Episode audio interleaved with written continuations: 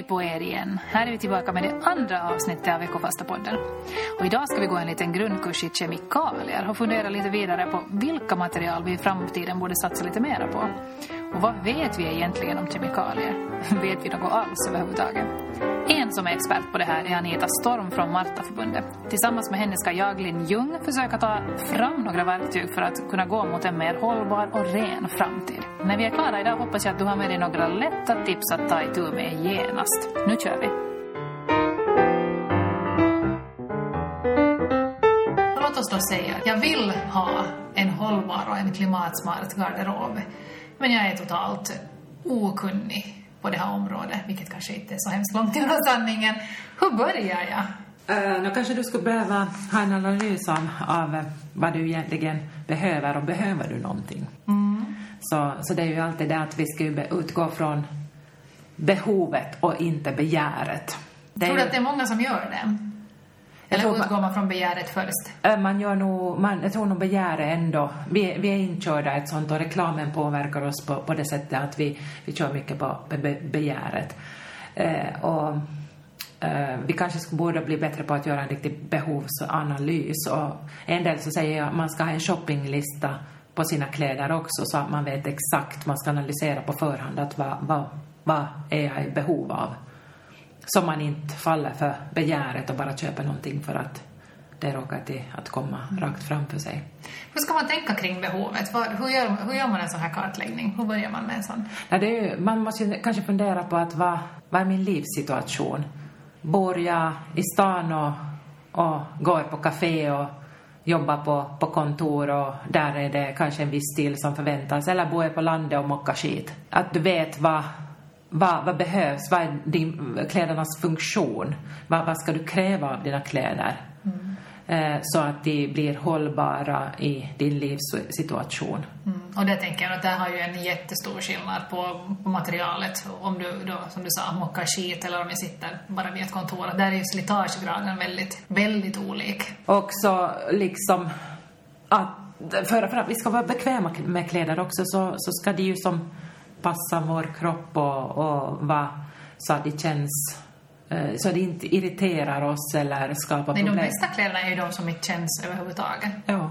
Som bara känns, som känns liksom i medvetandet. Man tänker att nu känner jag mig bra, nu känner jag mig trygg i de kläder jag har. Ja, och det kan ju vara så att, att man prövar att, att ha något plagg och ställa sig framför spegeln och så, och så känns det bara att nej, det här går inte. För... Men det har ju kommit, det har ju ändå kommit ganska starkt en sån här våg ändå av, av medvetenhet när det gäller kläder de senaste åren. Man tänker att jag vill att man skulle inte, man skulle inte vilja liksom stötta så hemskt mycket dåliga material. Och att Men har, kläder... finns det utbudet som är det där bra materialet då? Nej, det tycker jag ju inte. Att man, det, som är, det som är lättillgängligt så är ju liksom... Eller också, och det kanske inte också bara handlar om lättillgängligt, så jag tänker också att det handlar ju också om en, en klassfråga kanske delvis. Att man inte har man inte har råd att köpa de där liksom, ganska kostsamma materialen. Och som ändå, de bättre materialen är ju generellt lite dyrare. Jo, men det behöver ju inte betyda bara för att, att det har en högre prislapp att det är bättre. Nej. Så, så, så, det, så, så det finns ju som inte den där direkta kopplingen heller mellan pris och kvalitet. Utan du kan ju få något riktigt skit för en, ja. en uh, liksom stor penning. Och, och där är det ju också att Egentligen så borde man ju ha en hel del uh, kunskap om materialet också, i, som fingertopparna sådär, att mm. känna och, och som förstå. Eh, och kunna analysera att hur kommer det här att åldras? För det är ju mycket kläder, klädernas åldringsprocess också som, som eh, och kommer att acceptera det. Och så är det ju, eh, vi har ju en tendens också att kanske byta lite vikt och dylikt och, och passa det här fast det skulle komma till fem kilo eller gå bort fem kilo eller så. Mm. Man tänker ju aldrig någonsin att, att, att kläderna ska leva så länge.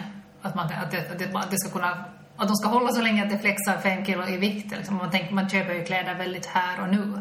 Ja. Men du tänker alltså att man borde tänka dem lite längre än så? Att man ska också tänka att ja, den där pass... det ska rymmas mer av mig? Ja, passformen, mer eller mindre att hur... Ja, för, för någon gång så har jag köpt lite väl stora kläder och, och där, där är jag väldigt nöjd idag för jag kan använda dem ännu idag trots mera vikt. Mm. Som till exempel mina jaktkläder. Jo, det är ju kanske en sån sak som man tänker att det är en engångsinvestering och så har jag dem väldigt länge. Ja, för de börjar vara, vad, vad är det nu, det är det är inte så långt från 20 år gamla. Nej, precis. Och det är helt bra. och De använder just ute i skog och mark och, och så. Och, och då har jag satsat på, på ja, det ena är, är finsk kva- kvalitet och det andra är norsk. Så att eh, vissa saker så, så får man ju väldigt lång. Och jag kan ju ta ett exempel som många när jag har på mig det klädesplagget så frågar de har du en ny tröja? Och eh, så får jag säga att, nej men vet du, den här stickade min mamma när jag var i hennes mage. Så den här är lite äldre än vad jag är. Ja, men då är det ju, där, där pratar man verkligen om hållbara kläder. Vi ska gå lite mer in på de här materialen senare i podden, men jag tänkte att vi skulle kunna börja med, med just den här diskussionen om kemikalier, som jag tycker att har blossat upp som en ganska så här, det är ju ingen nyhet, men jag tänker att det, börjar, det här är en sån sak som kommer in i den vanliga människans medvetande allt mera. Vilken grundskap, grundkunskap tänker du att alla så här vanliga människor borde ha om kemikalier? Kanske man behöver bli en medveten och, och hålla sig lite uppdaterad för på det här området så, så sker det ju väldigt mycket. Och här eh, så är det ju, det finns ju inte något svartvitt svar på, på det sättet. Men, men eh, om vi tänker på att vi kommer i kontakt med kanske hundra kemikalier per dag eh, och eh, det är få av dem som är totalt utredda. Vi vet hur kanske en kemikalie reagerar i vår kropp, men vi får hundra som de börjar jobba tillsammans. Och, och där brukar jag säga att det kan hända att vår matematik som vi lärde oss i skolan, 1 plus 1 är 2, så det kanske inte alls stämmer utan det kan vara 1 plus 1 är 10 eller 15 eller 20. Och det är kanske just den här cocktailen på något sätt av allting som gör att man, för det är ju inte bara via kläder vi får kemikalier utan det är ju via, liksom via mat och via ja, Luft. luft och det. det. Du kommer i kontakt med, eller du, du kan inte undvika kemikalier. Det är ganska svårt i dagens läge. Ja, och där, där är det ju att man bör bli lite medveten och börja göra val. Det är ju det att de här så påverkar ju inte alltså från en dag till en annan så att du får effekter av dem, utan det är ju frågan om 20-30 års exponering och när ditt immunförsvar kanske ger upp någon dag så att, att eh, det bildas cancerceller och dylikt. Men sen så eh, tror man ju att en hel del av våra välfärdssjukdomar också har koppling till det. Och det nyaste kring tarmforskningen är ju att de här kemikalierna som håller på att utarmar vår tarmbiom. För vi har väl cirka 800 bakterier i vårt, vår tarm medan ursprungsbefolkningen har 1600 olika arter. Så och vi har, och den här så är väldigt starkt kopplad till till vår hälsa. Så just nu pågår en hel del forskning kring diabetes 2, Alzheimers, ADHD, alltså äh, sådana saker kan påverkas av hur vår tarm mår. Och de kemikalier då som vi får via mat eller via kläder eller via smink eller dylikt så, så, så de sätter ju effekter. Så, eh, och just de, deprimerade människor, sådana som har, har det tungt, så, så där har ju maten och den här tarmfloran väldigt stor betydelse. Men du menar att kläder kan påverka direkt tarmfloran? Ja, för det, det tar under en halv minut för, för ämnen som finns i kläderna att tas upp av din kropp. Och då sprids det ju klä- det i, i din kropp. Och beroende på om, det, om du svettas eller eh, så blir det ett större utbyte med fuktig hud. Eh, Så att eh, du kan påverkas av det. Jag vill inte att mina kläder ska vara farliga för mig. Jag vill ha, och det tänker man ju spontant också när det gäller en själv men också barnen. Man tänker att man vill ha snällt på kroppen. Jag vill att det som jag lägger mot min hud ska vara rent och snällt. Var börjar jag då? Eh, Då är det att du väljer en ekocertifiering som motsvarar dina krav.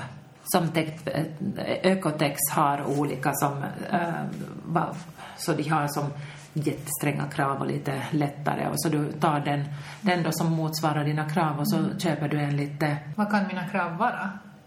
Hur vet Ja. jag ens var jag ska lägga mina krav? Ja, no, det är ju det att det är viktigast att du, du väljer och tittar på, på vad de har för krav i, i certifieringen.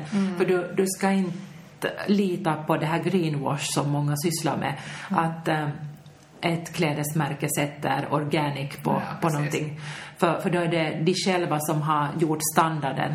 Det är viktigare att du tar en, en tredjeparts certifiering där, du, där någon annan utvärderar om de uppnår den kvaliteten. Exakt. Jag tänker det är väl bara att skriva en grön logo och lite så här hårdare papper, lite mera paffigt så att det ska se ekologiskt ja. ut. Det finns ju, man vet ju liksom hur så här, den här ekologiska brandingen på något sätt hur, hur man försöker utnyttja den i allting och att allt ska se lite sådär liksom hemgjort ut för att det ska kännas mer rent.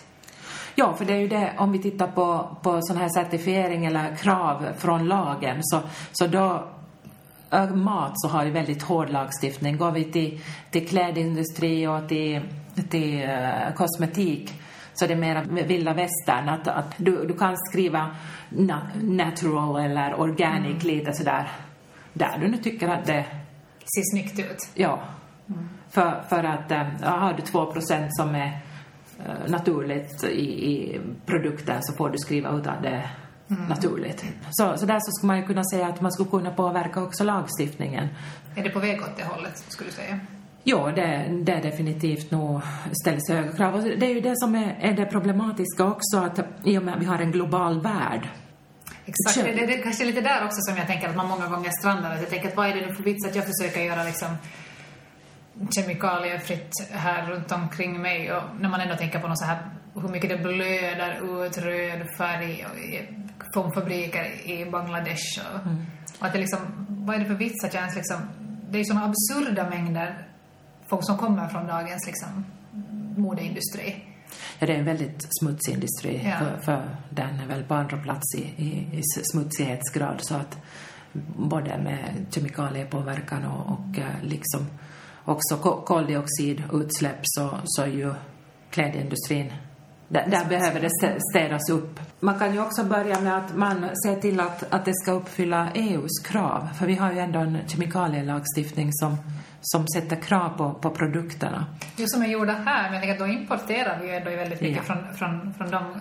Så på något sätt så känns det så dubbelt i det där att man, här är det, här, här är det jättestränga regler på vad vi får tillverka här. Men sen så, välkommen allting från, från ja. helt smutsiga förhållanden. För i och med att vi köper från uh, Asien då så får vi ju in kanske sådana färger som har varit förbjudna i år och dagar i, i Norden. Så, så att vi som vi har som städat upp här men sen importerar vi glatt sånt som innehåller mm. sådana ämnen som vi redan städat bort. Jag menar uppstädningen betyder, betyder ju kanske också delvis att många fabriker här har fått det så hårda förhållanden att de inte kan, de klarar inte ja. av att, att, att konkurrera mot, mot de som kommer från från Asien till exempel. Ja, alltså det, det stora med, med just klädindustrin så det krävs ganska mycket handkraft ännu. Det krävs människor. Mm. Att man har inte fått den klädindustrin att bli eh, mekaniserad på samma sätt som många andra. Nej. Så, så man behöver de där människohänderna som, som gör saker och, och vi har för dyr arbetskraft här så istället så, så köper vi då från, från ställen där de kan leva på sin lön. Ja, de klädesplagg som är tillverkade i Finland och inom EU också så är generellt renare från kemikalier än eftersom lagstiftningen är hårdare här. Ja. Så det kan också vara ett sätt, du sa tidigare att man ska kolla på de här certifieringarna som finns för de som, som importerade kläderna. Och så är det ju att stödja verkligen den, om det finns någonting kvar i, i Finland och det som finns kvar, så stöd det.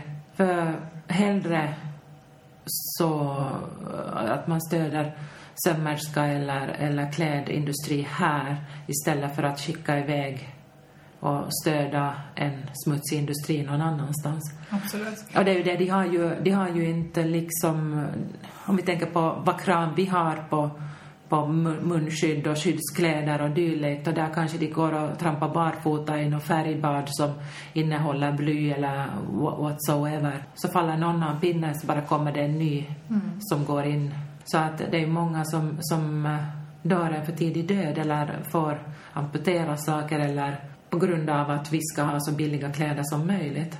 Finns det några riktigt sådana här big no-no-kläder som man absolut inte ska köpa om man vill, ha, om man vill hålla det rent från kemikalier? Uh, no, den som, som är ganska problematisk så det är ju de här plasttryckerna. Så, och där är det efter, efterlatade som är hormonstörande som kan påverka då barn och det är väl oftast Jag tänker att det är barn som har plasttryck. Ja. Mm.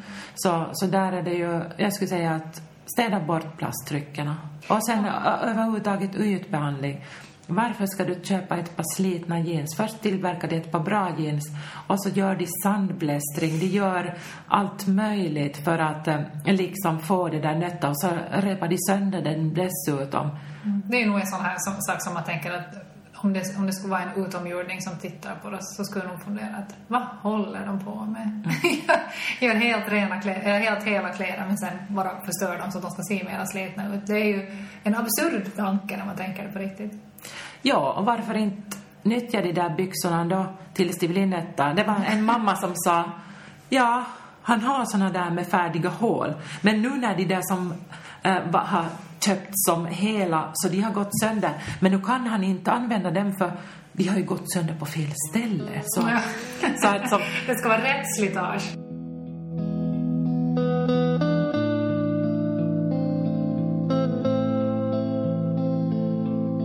Men kemikalier påverkar inte bara oss människor. På vilka andra sätt påverkar kemikalier jordklotet? Eh, om vi tänker då eh, i Indien och Bangladesh och de här så, så, eh, så krävs det ju mycket vatten när, när det ska produceras och då sätter de kemikalier och så går det ju rätt ut i, utan rening och så lite längre ner på, vid floden då så är det någon som tvättar sig i det, som dricker det. Och också djuren, eh, hela miljön så, så får ju stora effekter av. Mm. Och det är ju ingen hemlighet att kemikalier är dåliga. Varför, varför tar det så länge innan, innan vi har fått någon så här liksom, någon lagstiftning som, som på något vis förbjuder de här allra det, det känns ju så orimligt att det fortfarande får förekomma. Det är pengar. Vilket kanske inte var något överraskande svar. Nej, men det, det är ju det att allting styrs av, av pengar och jag vet ju att det finns, jag läste någonstans att, att eh, det finns de som har försökt betala bättre löner åt, eh, åt uh, sömmerskor och dylikt, om det var i Indien eller vad det var.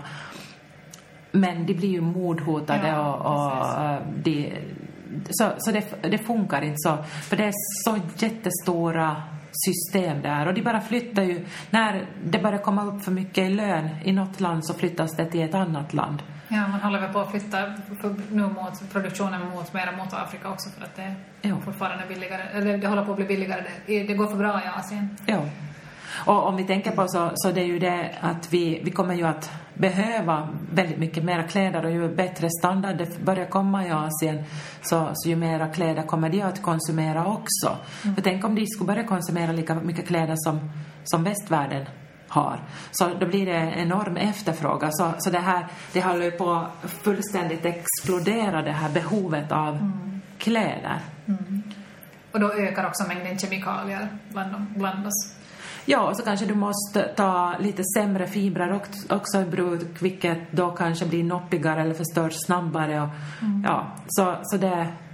Men då kommer vi ganska naturligt in på det här med, med material också då, som du, som du sa, att det blir noppigt till exempel.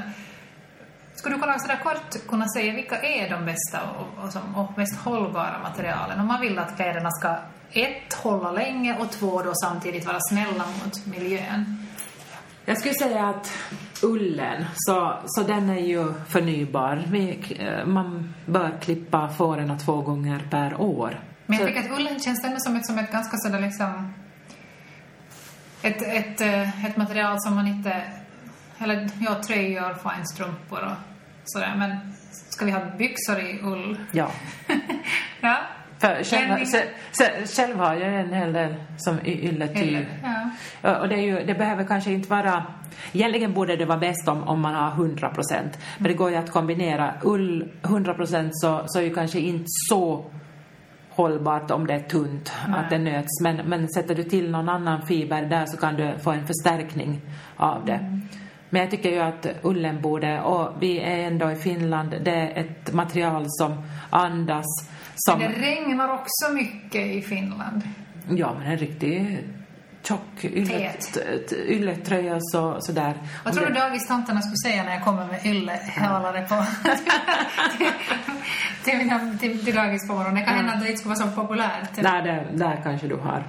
Men det är ju det, vi har ju lite olika typer av ullkvalitet också och det finns ju också en hel del som kommer från Australien och där har man lite problem med att man snittar en körtel bak på fåret för där lägger äh, fluglarver, eller flugor larver. Uh, så att, att man ska som tänka till också att, uh, att det inte sker sådana saker. Så mm -hmm. allt med ull så är ju Nej. beroende på varifrån det kommer. Ja. Men jag måste ju citera min mamma då och, och hon säger alltid att det ska vara yllenemast kroppi. Ja. För, för det är ju det att oberoende om det är vinter eller sommar som du har en tunn tunna ylle eller yllesilke underkläder så, så har du det är naturligt mot din hy. Mm. Det är uppsugande, det andas. Mm. I jämförelse med att du har polyester som är instängande mm. eh, tätt mot din kropp. Så, så är det, med det här liksom med material i förhållande till kroppen är någonting som, som det känns som att man, man, man får inte den kunskapen någonstans ifrån om, om inte man, har, om inte man då själv är väldigt intresserad. Jag tänker att just sånt med, med, med bebisar, det känns närmast absurt att man skulle lägga på en ylledräkt på, ett, på, på en, en bebis mitt i sommaren. Medan det, på, det, det är ju inte på något sätt absurt utan ylle andas, det, det, mm andas ju jättebra. Det ska vara så, men... Ja, det är ju lite så te te tempererande. Men ja. då är det ju att det ska vara rätt typ och, och lite tunnare. Ja. Så, så jag har märkt själv att gå med en marino ylle eh, t-skjorta på, på sommaren så det är ju ja. suveränt. Och det finns jättefina toppar också i, i, i ylle som går jättebra mm. att använda. Mm. Men det är ditt så här number one Definitivt material, ja. ull. Vilka andra material är, är bra? Om vi tänker lite mer så liksom finare kläder. Det, linne är väldigt användbart och du kan få väldigt vackra fina kläder mm. i det. Dels strikta dräkter till mera sån där bohemstil, lite mm. större, bylsiga. Mm. Och det kan växa här hos oss. Det är det också någonting som är, som är en, en, förutsättning för att det ska anses vara lite mer hållbart, att det, finns, det går att få nära. Uh, om vi tänker på var, var till exempel, om vi jämför nu bomull och linne. Uh, bomullen växer där det är torrt, där det råder brist på vatten, men det mm. krävs ändå stora mängder vatten för att odla.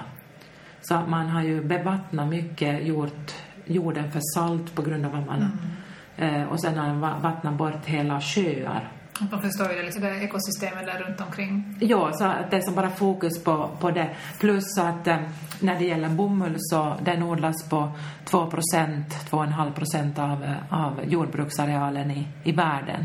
Men kräver, kräver 10 procent av kemikalierna. Mm. I odlingen. Också i odlingen? På vilket sätt? Eller som be bekämpningsmedel?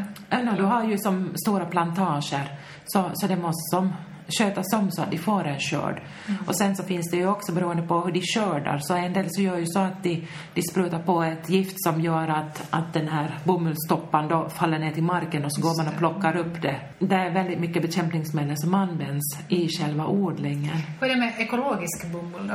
Ja, det är, ju, det är ju bättre, men där har du ju också att den där vattenkonsumtionen. Så mm. jag brukar säga att ska du använda bomull så, om du ska vara ansvarsfull så ska det vara ekologisk. Men det används ändå samma mängd vatten så att i princip så, okej okay, den är ren från kemikalier men det, det finns ändå ett litet, det skaver kanske lite ändå där i den där vattenfrågan. Ja, det... Som tar vatten från andra runt omkring som kanske skulle behöva det mer, att byar ja. runt omkring så lever istället i torka. Ja, och om vi då tittar på linne så det kan växa här hos oss. Det kräver inte bekämpningsmedel hur ser linnesituationen ut i Finland idag? Odlas det? Det har ju odlats en del och vi har ju haft också här eh, i Malax så tog, tog man ju tillvara linne för, och det finns ju, jag vet inte om, om maskinen, man tog ju hit en maskin från, från Holland som hade ju eh, odling och hade kontraktsodling. Eh, men sen så har vi ju också uh, flera företag som gör, vi gör ju mera dukar, uh, handdukar och, och dylikt som mera bruks, bruksföremål. Att mm. det är ju inte så mycket kläder de, de gör. Men jag tycker att, att uh, linnet så borde bli en... Få ett uppsving. Men det finns ju, det kommer ju i så här cyklar och linnenmode. Ja. Man tycker att så här linnebyxor kommer med tio års mellanrum. Men jag tänker att man skulle kunna få in det lite mera i vardagen. Ja, som en, en linneskjorta på, på sommaren. Ja. Den är sval, behaglig. Uh, och snygg. Ja.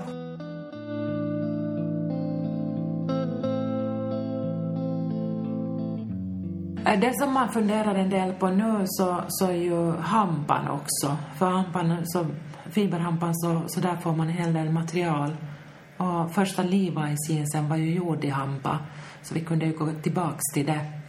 Eh, sen eh, så är det, man tittar en hel del på skogen, så det finns en hel del eh, forskningsprojekt på att, att försöka hitta nya fibrer.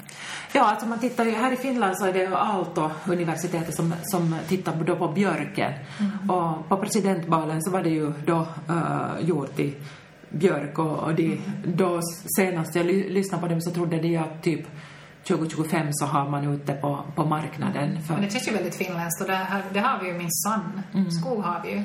och vi har också en eh, liksom en industri som behöver gö göra någonting. Som har, vi har anläggningar för trä, så att ta tillvara träfibret och, och eh, få det till, till ett garn. Samtidigt så bör vi komma ihåg där då att det krävs en hel del kemikalier. Det är en ganska stor kemisk process att förvandla björk till en klänning.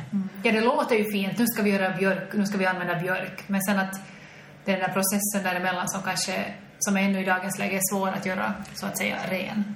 Eh, ja, kanske inte ren, men om vi tänker på att vi, vi skulle ha ett slutet system här i Finland där det inte går ut någonstans utan, utan det liksom cirkulerar så man återanvänder kemikalierna i processen. Eh, och att man processvattnet också delvis som cirkulerar i jämförelse då med det här linjära systemet som oftast finns i, i Asien idag och att det släpps ut i naturen och dylikt. Så att, att där har vi ju där tror jag det finns möjligheter, men då måste vi acceptera att det, det används. Pris, prisnivån kanske också i början är lite högre. Ja, och, men det finns också sådana här affärsmodellsprojekt i, i Europa nu, att man försöker hitta affärsmodeller där man skulle sam, samma, sammankoppla en plattform så att man skulle få tillbaks lite lite eh, klädindustri till Europa. Och tank, tanken är inte att du ska, de ska konkurrera utan man ska göra speciella kläder som är designade just för den personen och med, med så te, tekniska kläder och så att, att eh, att få med mycket hållbarhet i processen. Så det pågår sådana forskningsprojekt. Och sen också eh, i Sverige så är man väldigt mycket inne också på trä men också på papp papper och paff att uh, återvinna de fibrerna till att bli kläder. Det är mycket på gång helt enkelt som man, som man kanske nu, som man skördar, skördar effekterna av om kanske inom 5-10 år. Ja, och det är ju det att, att uh, Man vill ju att det ska hända nu. Ja, så det eh, jag såg några siffror på att till 2050 så, så ska mängden kläder fördubblas och en stor del det är kanske 70-80 procent av våra kläder så är polyester idag eller har koppling till, till råoljan. Och den så är en synlig re- re- resurs, så den tar slut. Så det måste ske ganska stora förändringar. Och därför har, har det som börjat bubbla nu, att man börjar se att jaha, här, här måste ske någonting för det börjar finnas efterfrågan. Men eh, då känns det ju också sjukt att vi har så enorma mängder med klädberg Ja. med avlagda kläder som bara ligger där och skvalpar och in, man vet inte riktigt va- vart de ska. Exakt, och det är ju en, kanske en eh, liten turdel, lite tudelat det också. Man tänker att de är ju så smutsiga, många av de här kläderna, i, i kemikalier och blandade med alla möjliga material. Att det kanske inte är världens lättaste sak heller att bara som göra nya kläder av dem fast man tycker att man ska återanvända dem. Att det är liksom, det är ingen lätt fråga att lösa. Ja, så nu har vi ju inte alls pratat om hemtextilier och dylikt och då är det ju en del som gör återvinning eller återbruk av dem också. Men där måste man komma ihåg att eh, beklädnadstyg och inredningstyg har två helt olika kemikalielagstiftningar. Av vilken anledning då? Ja, För du, det är tanken att, att de ska vara mot din Kroppen, precis. gardiner så ska du inte stå och gnida dig med. Oj nej, och där står mina barn och gömmer sig bakom gardinerna hela Ja. tiden. Ursäkta, nu var jag igen och, och gav, dig något så här att tänka på. Men vad tänker du, vad, eh, finns det något annat du kan se sådär från framtiden som ändå ger någon slags hopp? Nå, just det här att man har börjat fundera och att man, man försöker frångå o- oljan och, och i Sverige så jobbar man ju väldigt mycket från ull till tröja. Där har man tagit itu med, med ullen som kastas och bränns eller grävs ner. Så att, eh, och jag ser att det börjar bubbla i Finland också. Jag prata om det där i tio år. Och behöver det just bli kläder av den där rullen för den kan kanske för smutsigt i det med oljeuppsugningsdukar eller eh, akustikskivor eller så att man skulle få in den där ullen för det, den har ett jättebra värmevärde och, och så emellanåt blir jag bara sådär att om man vill kunnat gå på månen, varför kan vi ta hand om lite ull då? Mm. Men, det, men det, det tycker man ju med hela det här systemet. Att det är ju bara ullfrågan, utan det är allting. Vi har all kunskap som, som finns kring hur, hur vi skulle kunna lösa det här. Det finns teknik och vi, har, vi vet vilka fruktansvärda effekter de här kemikalierna säkert kommer att ha om, om men säkert också nu direkt men också i framtiden. Att finns det ingen som på något sätt kan sätta stopp för det här systemet? Eller är det, ska det verkligen vara så att det är marknadskrafterna som styr? Att vi... Ja, hördu. Det är det, jag tror också eh, ett problem med de här grejerna alltså, det är att det syns inte framför våra ögon. Det produceras... Man vill ju gärna blunda för det också, för det känns skrämmande och farligt. Ja, och så är det ju det att, att de här kemikalierna så påverkar det ju inte här och nu Nej. så där direkt. Du ser inte imorgon att du, du har blivit utsatt för, för 100 kemikalier idag. Utan det, det, det är någonting som utvecklas kanske under en längre period, under tiotals år. Mm. Och som inte alltid kommer den där smällen. Men jag har ju träffat på också sådana som, som inte kan ha kläder på sig. Som inte kan bo i normala bostäder för det är för mycket som... Deras kropp är överkänslig. De får bo i tält ute i skogen för att klara sig det är väldigt hemskt att tänka att vi, vi som lite tar död, död på oss själva mm. och alla de här hormonstörande ämnena. För vi, vi är ju egentligen en kemisk fabrik vi också. Mm. Vi blir arga eller vi eh, flyr eller fäkta äh, reaktionen. Det är hormoner som utsöndras och som får till stånd en kemisk reaktion i oss och så får det en effekt. Mm. Och så finns det några ämnen som, som kommer att rubba hela systemet. Ja, och där är det ju det att hela fosterutvecklingen är ju en enda hormonbubbla. Ja, mm. och samma är det ju med tonåren också. Mm. Så, att, så det kanske gäller bara att, att, att, bara våga se det där, att det har faktiskt effekter hos även om vi, även om vi liksom känner av dem direkt nu. Och att kanske läsa på lite kring certifieringar och ja. kanske också tänka att man för jag träffar på, på ganska många kvinnor som säger, vad ska jag göra med min man som inte, som inte, han tror inte på det här. Ta fram forskningsrapporter att mm. nej men vadå hormonstörare, att va, mm. sån där blahaj blahaj.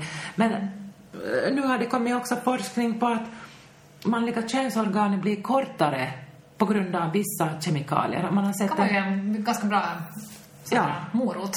ja, och just det att, att man inte producerar spermier. Ja. Så, så jag tror att det finns en jättestor liksom, siffra på hur många som måste börja ta hjälp och som försöker få barn som inte kan få barn. Mm. Det, kan, det kan bottna i det här helt enkelt.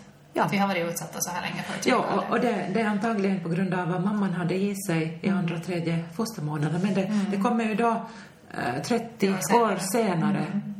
Men om, jag, om vi skulle avsluta då sist med tre råd till mig hur jag ska tänka för att få en, för att erbjuda då mina, mina barn en renare framtid och en framtid där de kanske inte är så utsatt för, för kemikalier och hormonella störningar. Var börjar jag? Du tar bort plasttryckerna på deras kläder. Att använda naturmaterial och försöka få in då en ekocertifiering på de där naturmaterialen. Att det inte finns några sådana här antiodor eller behandling, antibakteriell behandling av kläderna och att det inte är flamskyddsbehandlade. Mm. Så att man tar bort de där värstinggrejerna. Men det känns ju ändå som en ganska sådär rimlig, det är ju en överkomlig, det är ett bra första steg som, som vem som helst i princip kan ta. Det tror jag vi börjar. Ja, för annars så hamnar du i ett träsk. Ja, precis. Och du kan bara sjunka ner dit. Mm. Och det är ju viktigt att behålla livsglädjen. Jo, så är det. Och framförallt så, så handlar det med alla stora förändringar att man börjar någonstans och sen så kanske man inspireras av att, av att ta lite större steg hela tiden. Men att huvudsaken är väl just att man kommer igång och att man inte som, ja, känner sig helt uppgiven med tanke på att det, det är ett alldeles för stort område att ta sig igen. Ja, för det här, om du går riktigt djupt in i det och som ung människa idag så kanske du, du börjar må så dåligt så du orkar... det finns ju så många områden som man borde förbättra sig på. Ja, så, så du, du börjar må dåligt och då, då blir du inte en då orkar du inte förbättra ditt liv, Nej, utan då blir det bara värre. Mm, så. Så, så du måste ju hitta den där energin och förmågan att, att skapa dig ett bättre liv. Och då är det inte piskan utan det är moroten du ska leta efter. Exakt, det var fina ord att avsluta med. Mer om kemikalier kan man läsa på Martaförbundets hemsida. Där har ni orimliga mängder information om det här. Eller inte kanske orimliga, utan det behövs väl. Och så är det ju det att, att, du, att du hittar din nivå, du hittar steg. Vi försöker ge verktyg i att gå vidare. Tusen tack Anita för att du var med idag. Jag ser i alla fall lite ljusare på, på framtiden nu. Och mer från Ekofasta-kampanjen så hittar du som vanligt på ekofasta.fi och fler poddar så finns där poddar finns. Tack för att ni har lyssnat på det andra avsnittet av Ekofasta-podden. Bakom den här poddserien står Martaförbundet och Evangelisk-Lutherska kyrkan. I nästa avsnitt ska vi gå in lite på etik och moral och konsumtionskultur med Patrik Hagman. Välkommen med då också. Tack för idag.